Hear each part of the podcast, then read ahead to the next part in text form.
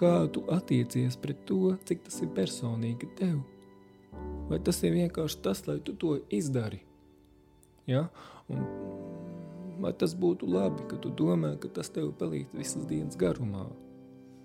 Nu, teiksim, tādā ziņā, ja es to uztvēru, attiecinu uz sevi, un kā Dievs uz mani skatās un ko Dievs man grib pateikt, tas piedod pavisam citu svaru un citu vērtību šim rīt svētbrīdim.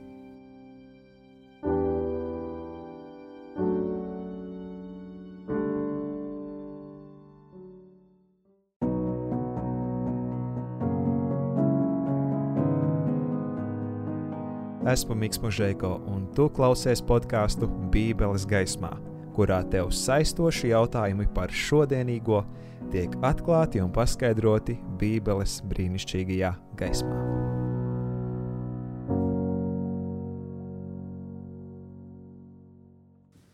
Ar nelielu nokavēšanos, bet tomēr, darbie klausītāji un skatītāji, es jūs sirsnīgi sveicu ar šo jauno podkāstu epizodi un šoreiz tās nosaukums ir Veiksmīgas dienas iesākums. Mēs pārunāsim to, vai Bībele min kādu padomu, kādu principu, kura ievērošana var mums sniegt, piemēram, veiksmīgu turpmāko dienu. Un to, cik brīnišķīgs šis padoms ir un kā to vislabāk praktizēt un piedzīvot, mums šajā reizē līdzdalīs mans ticības biedrs Roberts Patmalnieks. Sveiks, Robert! Sveiki! Paldies, ka tu piekriti šai sarunai. Un pirmo jautājumu es tev vēlos uzdot tādu vispārīgāku.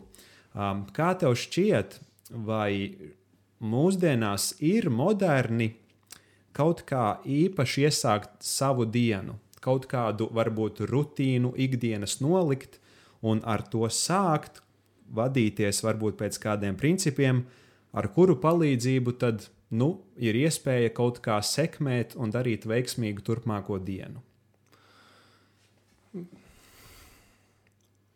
Es domāju, ka tās ir parastas lietas, jo ļoti daudz cilvēku patiesībā arī savu dienu iesāk ar kaut ko tādu, kas ir ļoti vienkāršs un tiksim tāds ikdienišķs, ko viņi spēj saprast, pieņemt.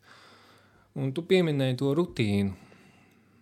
Es esmu lasījis arī tādu, ir saucās uh, 5M rutīna, kaut kā tā, teiksim, visā pasaulē pieņemta tāda kā programma cilvēkiem, kuri ceļās ļoti, ļoti agri, tas ir kaut uz piecos rītā vai pat bišķiņa agrāk, un uh, viņi veic konkrētas darbības, kas viņus sagatavo visas diena, visai dienai, teiksim. Un šīs darbības ir uh, kā nu kuram cilvēkam tas ir. Bet katrā ziņā tās ir noteiktas darbības. Ja? Tas nav kaut kāds jūks, ka viņiem tur kaut kas ir nekārtīgs. Bet viņi visi to sakārto pēc punktiem, ko viņi darīs. Parasti tas sākās ar to, ka cilvēki iedzer kaut kādu kafiju, un mēs zinām, ka mums garšo kafija. Mm. Un, uh, vispār tas arī ir zināmā mērā kā rituāls, tāpēc ka cilvēki to dara apzināti. Bet ja tas ir ieradums, viņi jau to dara arī neapzināti, tā kā automātiski. Ja? Un uh, citiem pēc šīs rīta kafijas ir kā turpinājums, kaut kāds arī rīta aktivitātes. Ļoti daudziem Latvijā tas ir populāri skriešana, it sevišķi no rītiem. Un, uh, vai arī mājas vingrinājumi, ko viņi veic. Citi pat sešos no rīta brauc sporta zāli vingrot. Un tā viņi iegūst to enerģiju visai dienai. Bet ir arī ļoti būtiski, kā es esmu lasījis, piemēram, Diānas Zandes desmit padomi, un viens no tiem padomiem arī bija, viņa ir psiholoģi. Un, uh, viņa ir teikusi, ka ļoti būtiski arī, lai būtu tāda kā dienas grāmata, kur tu katru dienu, kurā tu pieraksti visus savus piedzīvojumus no iepriekšējās dienas. Visticamāk, arī to pašu var lasīt no rīta, lai paskatītos uz iepriekšējo dienu, kā tā ir bijusi, un smelties jaunas emocijas un sajūtas. Tas ir viens. Otrs ir arī, kā saka, dienas plāna sastādīšana. Tātad, ko cilvēks plāno visas dienas garumā darīt. Protams, tas nenozīmē, ka viņš pa visiem simt punktiem izdarīs tieši to, bet Tas viņam palīdz fokusēties un koncentrēties uz to, ko viņš vēlās panākt šajā dienā, lai šī diena būtu veiksmīga un izdotos. Nu, tie ir tādi kā pamat ieradumi vai rituāli, ko cilvēki ikdienā dara. Ar reliģioziem cilvēkiem, arī kuriem patīk kāds, teiksim, filozofijas virzienu mācības, viņi jau kaut ko nopietnāku dara. Teiksim, ievēro jogu vai, teiksim, meditē vai kaut ko lasa. Kristīši, piemēram, lūdz, lasa bībeli, Musulmaņi arī no rītiem lūdz Dievu. Budistiem ir atkal savs rituāls, klusuma miera poza, kurā viņi ieņem sevišķi rītos, un viņi tā kā noskaņojās visai dienai. Jebkurā gadījumā visi šie paradumi atklāja to, ka viss ir atkarīgs prātā, kā cilvēks sevi noskaņo. Tas ir tas, ko viņš no rīta uzņem savā prātā ar šo meditāciju, ar šo rituālu palīdzību. Ja? Un tādā veidā viņš noskaņo sevi visas dienas garumā. Bez kā tu neiesāc savu dienu, un kas ir šis tavs ikdienas iesākums? Mans ikdienas iesākums ir tā, ka es esmu kristietis, es esmu septītās dienas adventists. Tad, protams, mana diena nav iedomājumi bez lūkšanām un bībeles izpētes. Bet tieši bībeles izpēte ir tā svarīgākā daļa, un es to vēlētos arī uzsvērt. Protams, arī lūkšanām ir būtiska loma. Un es domāju, ka es varu arī detalizētāk izstāstīt to. Jā, es tā vēlējos tieši pavaicāt, nu, kāpēc tas ir ļoti svarīgs princips tieši tavā dzīvē. Es esmu daudz to analizējis un pārdomājis. Un, uh, viens ir tas, pie kā esmu nonācis, ka tas nav, tas tomēr atšķirās no vispār pieņemtiem rituāliem, paradumiem, kā cilvēki to ievēro, jo cilvēki to pašu krūzīti, ko viņš no rītiem dzer to kafiju, viņš spēj to kontrolēt. Tas nozīmē, ka viņš ir noteicējis, kā viņam tā visa diena paies. Bet man šis uh, rīta brīdis kopā ar Dievu, lūgšanas un bībeles izpēte, es to saucu par dialogu. Lūgšanā mēs pasakām Dievam to, ko mēs domājam, kas mums ir sirdī, vai ne? Bet bībele ir tas laiks, kad Dievs runā uz mums, un tas ir ļoti, ļoti būtiski. Lūkšanā parasti ir tā, ka cilvēks nesaņem kaut kādas konkrētas norādes, Taču Bībeli lasot, Dievs mūs konkrēti uzrunā. Un līdz ar to mēs to visu paņemam visas dienas garumā. Es personīgi rīt svētbrīžos, kad lasu Bībeli, tas man ir domāts tiešām visai dienai. Tā ir kā mīkla. Dievs man kaut ko pasaka. Es izlasu, tiksim, no Bībeles kādas nodaļas, un es viņas pārdomāju visas dienas garumā. Jā, es gribētu sacīt par to Bībeles izpēti, kad uh, kā tu man esi prasījis, ja, ko es lasu Bībelē un tādā garā, un ko es lūdzu Dievam. Šobrīd es lasu otrā mūzu grāmatu, un uh, ir ļoti interesanti šīs desmit mocības, kas vēsturē notikušas. Un uh, vēsturiski es arī skatos kaut kādas paliekošas pēdas, kas par to liecina šodien. Un uh, tiešām arī ir kaut kas, kas liecina, piemēram, tie kauli, kad eģiptieši tika uh, jūras dzelmeni Niedru jūrā nogremdēti tie kauli patiesībā ir atrasti. Un eh, šie arheologi ir secinājuši, ka pārdabiskā veidā viņi ir nonākuši Niedu jūras dibenā. Un kā tas vispār noticis? Šāds veids man palīdz pārliecināties, cik Bībele ir ticama, bet arī, kā jau minēju, šīs detaļas, kas man patīk. Es ļoti uzmanīgi pievēršu teiksim, skaitļiem Bībelē, 3, 10, 7 kādiem nozīmēm, jo ebrejiem šim skaitļiem bija nozīme. Un tas man mudina pētīt. Tas ir kā stimuls visas dienas garumā. Es sāku skatīties, teiksim, telefonā, Bībeles aplikācijā vai internetā, meklēt, kas ar to visu ir saistīts. Mēģinu visu salikt kopā, kas tas ir. Un um, tas ir pārsteidzoši, tas ir kā jaunatklājums. Un tas tieši arī dod tādu stimulu visas dienas garumā. cik tā diena ir veiksmīga. Tas ir atkarīgs no mums, bet citreiz mēs nekoncentrējāmies uz to, lai šī diena tiešām būtu izdevusies. Viņa vienkārši pati ir izdevusies, tāpēc, ka tu domā domas, kas tevi aizrauj. Un tad tā darbība pati to visu izkārto. Un uh, otrs, es lasu arī jaunajā derībā par Jēzus dzīvi. Un šeit es cenšos izlasīt vienu nodaļu, vismaz divas reizes. Un es lasu lēni, rīta svētbrīžos. Ziniet, pusauģu gados, kad es lasīju lēni, man tiešām bija ļoti grūti turēt uzmanību. Tas bija tā cīņa ar tiem vārdiem, Yeah. kad acis sāk griezties, taisīties ciet. Bet uh, šobrīd nav tādas problēmas vairs. Tieši tas atdzīvina iztēli, iztēloties, kā tas ir. Un arī kādi vārdi, kādas mazas detaļas. Un viņas ir kā puzles gabaliņi, kas izgaismo visu to ainu. Un visas dienas garumā es arī par to domāju. Un, uh, es teicu, ka tam ir spēks, un tas tiem tomēr ir daudz, daudz savādāk nekā jebkurš cits rituāls. Jo mēs saprotam, ka Dievs to ietekmē. Tur ir kaut kas, ko Dievs dara. Tu saproti, ko tu no savas puses izdari, bet tu nevari pateikt, ko Dievs tur dara. Un galvenais ir tas rezultāts. Zinu vēl to, ka arī, piemēram, Bills Gates un citi arī ietekmēji uzņēmēji, viņi ir teikuši arī tā, ka tiešām pirmkārt ir vērts celties no rīta agri, mm -hmm. un tas tā arī ir. Arī kristiešiem tas ir ieteicams, kad mēs pētām Bībeli. Un tad viņi uzskata arī, ka tu vari pavadīt laiku kopā ar ģimeni un uh, veltīt laiku citiem cilvēkiem, bezsteigas, mierīgi. Man izbrīnīja tas, ka viņi to uzskata par veiksmes formulu visas dienas garumā. Tomēr, pat cik man pašam nav šīs ģimenes, man ir šī ģimenes attiecības ar Dievu, ar Tēvu. Un tas ir tas, kas arī stiprina. Bet pamatā arī tas, ko viņi saka, arī tas ir labi. Tomēr es varētu teikt, ka tas ir tomēr cilvēcīgi. Mm -hmm. Dievs ir tas, kas ir pāri cilvēciskajam, un viņš dod to spēku un to piepildījumu. Viņš dod to noskaņojumu, kā mēs jutīsimies.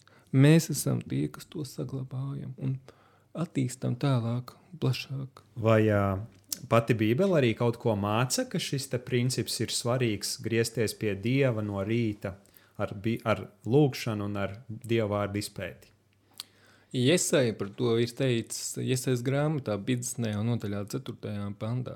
Viņš saka, ka Dievs viņu mūdina krītus un raisa, raisa viņa ausis vaļā, lai viņš uzmanīgi klausītos kā māceklis.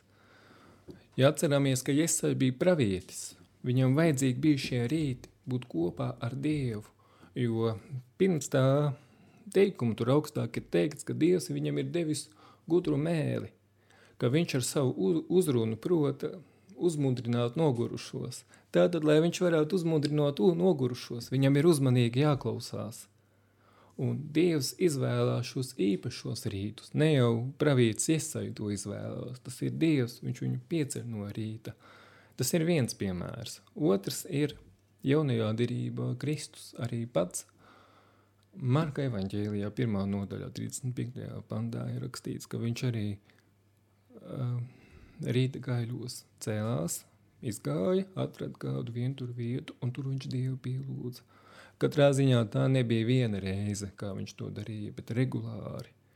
Šādā veidā Bībele liek noprast, ka Dieva vīri, Dievam uzticīgi cilvēki šādu praksi piekopa. Arī Daniēls, būdams zem ķēniņa augstākais pārvaldnieks, viņš arī trīsreiz dienā laiku veltīja Dievam, un, protams, tas arī bija no rīta, diendien, pēcpusdienā un vakarpusē.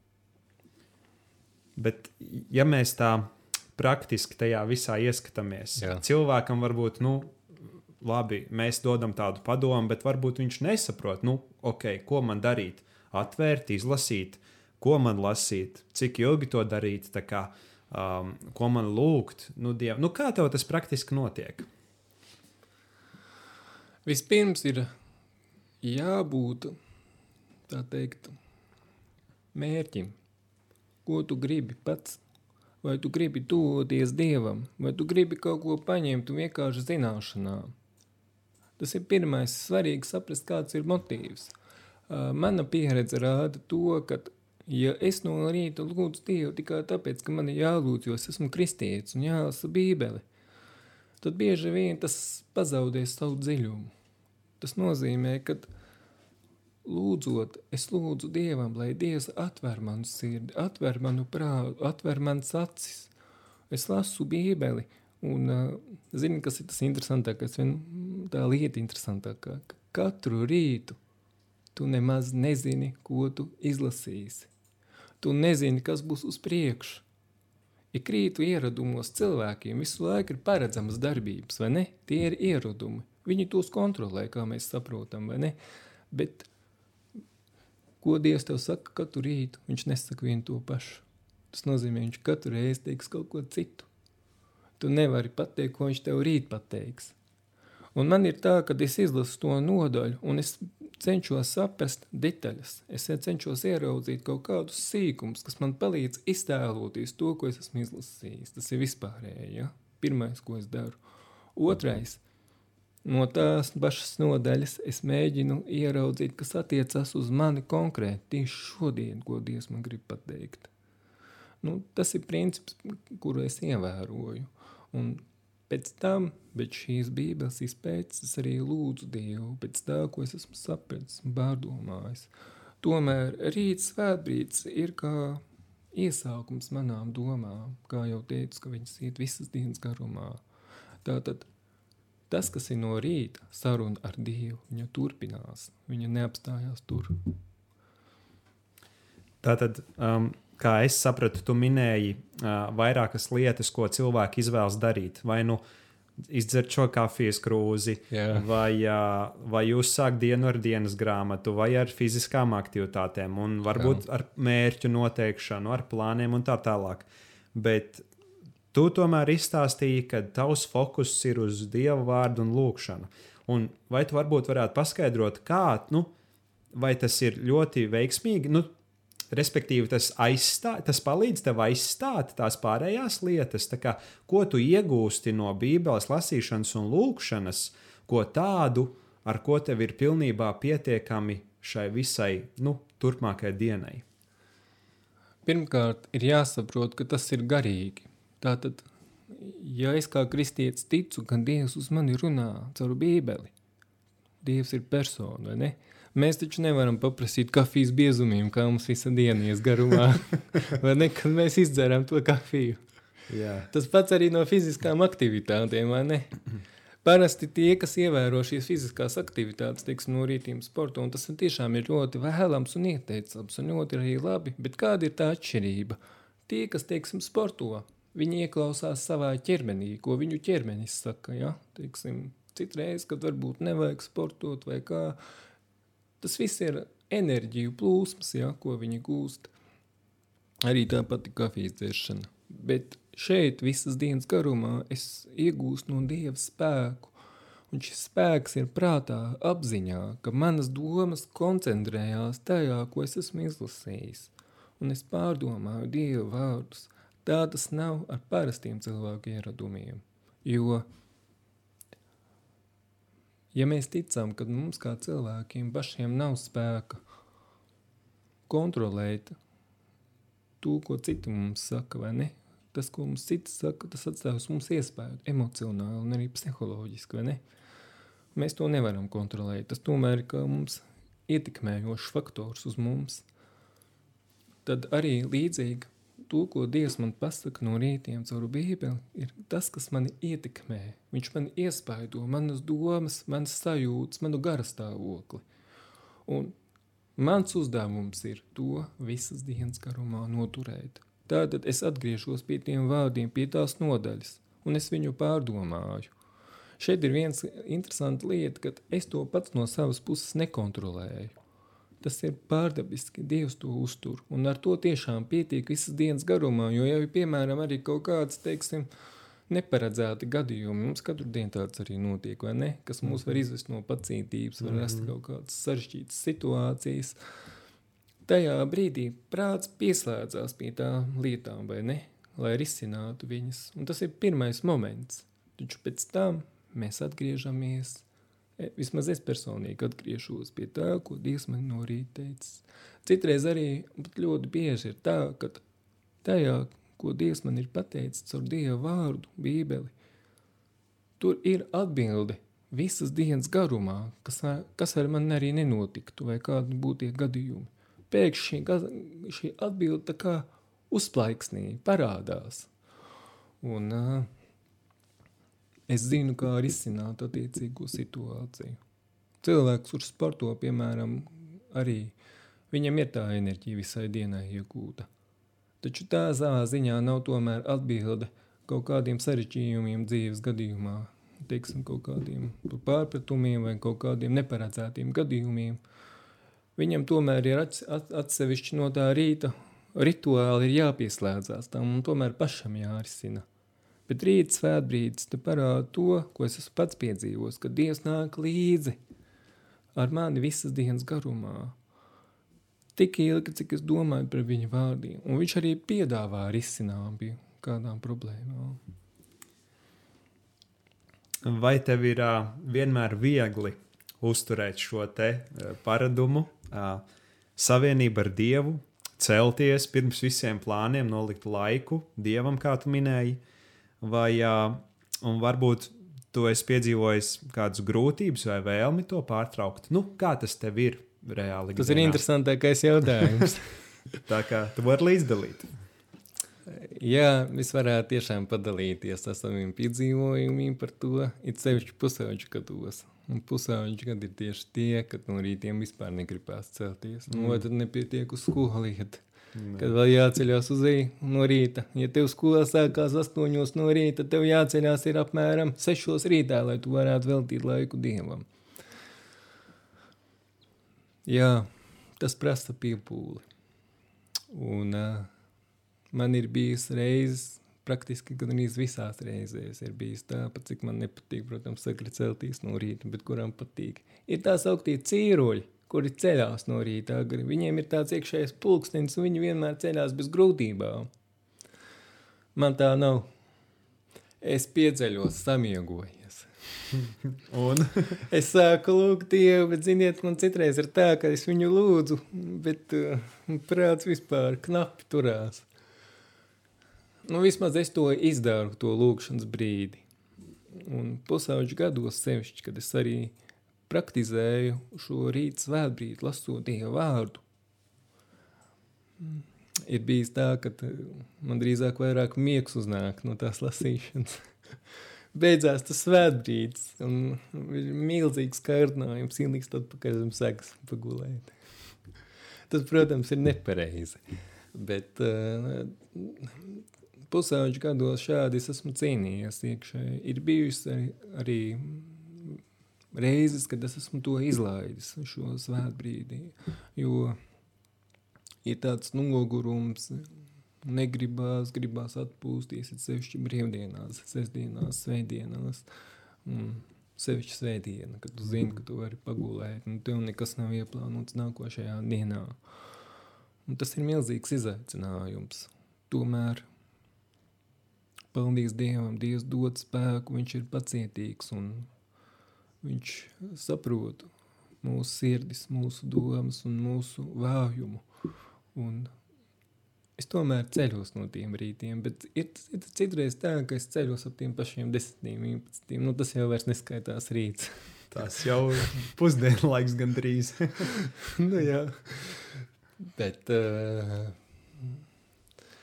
agrāk ir arī bijis tā, ka, ja tu to no rīta neesi izdarījis, lūdzu, un pētījis Dievu vārdu, tad tu to pārliec uz vakaru, vai ne? Jā. Un it kā vakarā ir tā labākais laiks, jo tad tu esi atbrīvojies no visiem darbiem, un tu beidzot vari atgāzties krēslā, paņemt bībeli un papētīt, un tas klusais laiks ar Dievu. Bet tur nāk kaut kas klāt, nogurums, no visas dienas nogurums, nav tā spēka. Un brīžiem arī man, piemēram, ir bijis tā, ka man ir vai, man mocījusi vainas apziņa. Nu, tāpēc, kad es vakarā sāku pētīt Bībeli, nevis no rīta ka ir pieņemts Bībelē, ka, ka Dievs uzceļ no rīta. Ja? ir bijusi tāda iekšēja cīņa. Tā tas nozīmē to, ka nevienmēr man tas izdodas, bet ja ir mērķis, mēs uz to ejam. Es atceros, kā arī teica viens no bagātākajiem cilvēkiem. Viņš ir sacījis, ka ja tev ir aizrautība kaut ko darīt, tas tev dod spēku piecelties no rīta. Un uh, pusauģi gados un arī mazliet vēlāk – tā aizraudība bija pētīt Dievu vārdu dienas laikā, bet ne no rīta. Taču tad, ja mēs pieceļamies, nu jau esam piecēlušies, vai ne? Mēs esam iedzinājušies tajā, ko Dievs mums saka, tad tas viss atkāpjas. Tik tālu jau no, tavas, no savas puses man ir jāizdara, man ir jāpiepūlās. Pasaulē cilvēkiem, starp citu, arī tie, kuri praktizēju tos ieratumus, kas viņiem patīk. Zināmā mērā tas neizraisa nekāds īpaši liels pīpūles.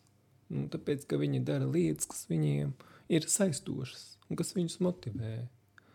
Bet šeit man ir jāpieceļās sarunai ar Dievu. Tu noteikti saproti, ka tas nav tas pats, kā kaut ko darīt. Tu saskaries ar personu, ar Dievu, tu ar viņu sarunājies, tā kā mēs viens ar otru Tas ir ļoti svarīgi. Tu minēji šīs grūtības, bet es tomēr gribēju pavaicāt, vai neskatoties uz šīm grūtībām, vai tas ir tā vērts tam varbūt uh, neatkāpties un turpināt to iesākto ceļu. Vai tas ir tik vēr, vērtīgs kaut kas, ka tev šis te ikrīt pavadītais laiks ar Dievu, nu, tas tev var iedot kaut ko tādu, ko nevar man sniegt neviena cita lieta. Un vai tāpēc ir vērts to turpināt darīt, un neatkāpties, un iziet cauri un tikt sev pāri un iet uz priekšu? Tā ir tas, ka tu vari iepazīt Dievu kā personu, kā savu personīgo glābēju. Tas ir kaut kas tāds, mēs saprotam, kāpēc mēs ticam Dievam un kas ir Dievs. Mēs viņam tuvojamies, mēs viņu gribam iepazīt. Tas nav tā, ka es, kā saka, četros kaktos, četrās sienās, tikai skatos kaut kur gaisā un lūdzu. Mm. Tas ir dialogs, tā ir saruna. Un es domāju, ka tas arī piešķir to vērtību, jo pirmām kārtām, tad, kad mēs sākam šo svētbrīdi ievērot, tas vairāk ir aiz pienākumu. Esam godīgi, mēs daudz ko darām pienākumu pēc, vai ne? tāpēc, ka tas ir jādara. Un pienākuma apziņa ir diezgan spēcīga, kas cilvēku arī virza būt atbildīgam darīt lietas, kas viņam ir jāizdara, vai ne? Nevienmēr tas saskan ar sirds aicinājumu. Mm -hmm. Un nevienmēr tas saskan ar manu prātu domu, ko es domāju par to, vai ne? Bet tā kā es zinu, ka man tas jāizdara, es esmu krietns kristietis, es esmu godīgs cilvēks, ja? man ir jāpieceļās, man ir jālūdz Dievs, man ir jālasa bībele, tāpēc, ka man to ir mācījuši ģimenē. Bet Tas ir sākums līdz brīdim, kad mēs sākam iepazīt Dievu, kad mēs sākam to visu procesu uztvert personīgi, un tas piešķir šiem brīžiem vērtību, kā tu attiecies pret to, cik tas ir personīgi tev. Vai tas ir vienkārši tas, lai tu to izdari? Ja? Un, vai tas būtu labi, ka tu domā, ka tas tev palīdz visas dienas garumā? Nu, teiksim, tādā ziņā, ja es to uztvēru, attiecinu uz sevi, un kā Dievs uz mani skatās, un ko Dievs man grib pateikt, tas piedod pavisam citu svaru un citu vērtību šim rīta svētbrīdim. Skaidrs. Pēdējo jautājumu es tev gribēju uzdot par to, jo mēs runājam par veiksmīgas dienas iesākumu, un mēs runājam arī Jā. par uh, šo ikrīt savienību ar Dievu. Tāpēc um, vai tiešām tavuprāt, un vai tu to vari apliecināt pats uh, no savas pieredzes, ka diena ir veiksmīga, ja ir bijis man personīgi šis te pavadītais laiks ar Dievu? Jā, es varu to apliecināt, jo, piemēram, savā darba vietā man ir bijis tā, ka es, ja man ir šis laiks kopā ar Dievu, un tad es esmu savā darbā, katrā brīvā brīdī es atgriežos pie viņa Es domāju par viņu, es ar viņu sarunājos. Tas stiprina ticību. Tas stiprina garīgo iekšējo cilvēku. Nav jābūt teologam un jābūt ļoti reliģiozam. Ja kurš psihologs var pateikt, ka cilvēku, cilvēkam ir divas dabas - fiziskā un arī garīgā. Un to garīgo mēs varam dažādi stiprināt. Citi to izmanto filozofijas, mācās visādas austrumu mācības, visu kaut ko praktizē. Tomēr tā nav saruna kā ar personu, kā es iepriekš teicu. Un tas ir tas, kas, ja tiek stiprināts garīgais cilvēks, tad faktiski visa diena tiešām ir veiksmīgi izdevusies. Tāpēc, kad nekas tevi nevar izsist ārā, nekas tevi nevar satricināt, ja salauzt citiem vārdiem. Tu neesi nesagatavots jebkuriem apstākļiem. Tas ir pārsteidzoši, vai ne? Zināmā mērā, tāpēc, ka Ja mēs pieņemam kaut kādas arī rituāls vai darbības, kuras mēs varam kontrolēt, tos vairs izsist, vai ne? Piemēram, tev beidzās kafija, tev viņas vairs nav, vai ne? tas jau būtu sīkums. Jā, tas jau būtu sīkums, bet tu nevari pamosties no rīta. ja cilvēks gadiem visu laiku to vien dara, aizbraucot uz darbu, viņš jūtās neizgulējies, viņam baig to kafiju dabūt, nu kaut vai visas dienas garumā vienu krūzīti viņam ir jāizdara. Tas ir līdzīgi arī ar citiem rituālu darbībām. Ja? Mm -hmm. Bet uh, mēs redzam, es esmu piedzīvojis, ka Dievs man palīdz. Tad, kad es, piemēram, savā darbā arī, un arī ārpus darba, jūtos noguris, nespēcīgs, vai man nāk kaut kāds slikts galvas domā, un tas jau var sabojāt visu dienu, un viņa paliek neveiksmīga. Mm -hmm. Es atceros, ko es esmu lasījis. Un tas ir tas spēks, ka Dievs caur saviem vārdiem pievērš manas domas kaut kur citur. Un noskaņojums netiek sabojāts, tiek saglabāts. Tāds pats, kāds viņš bijis no rīta. Nu, tā ir tā praktiskā puse, ko es esmu pats no savas puses pieredzējis. Varbūt izklausās arī tā ļoti vienkārši un pašsaprotami, bet tās ir lietas, kuras mēs kā cilvēki tomēr, es tā uzskatu, nevarētu izskaidrot. Paldies, ka pavēstīji, un vēl noslēgumā, lai jūs stiprina šī dziesma.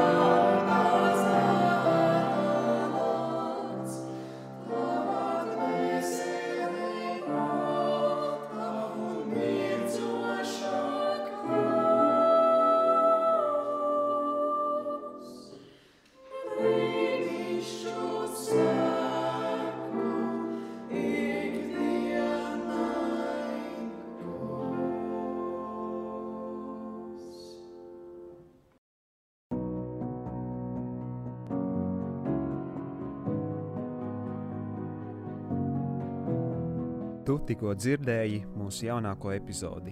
Visas podkāstu Bībeles gaismā epizodes tev ir iespējams klausīties gan Spotify, gan Apple un Google podkāstu platformās, kā arī skatīties SDA Rīga 7 YouTube kanālā, un tu droši arī vari piesakot mūsu Facebook un Instagram lapām, lai nepalaistu garām aktuālāko informāciju. Tev uzrunā Mikls Mažēko, un tu klausies Bībeles gaismā.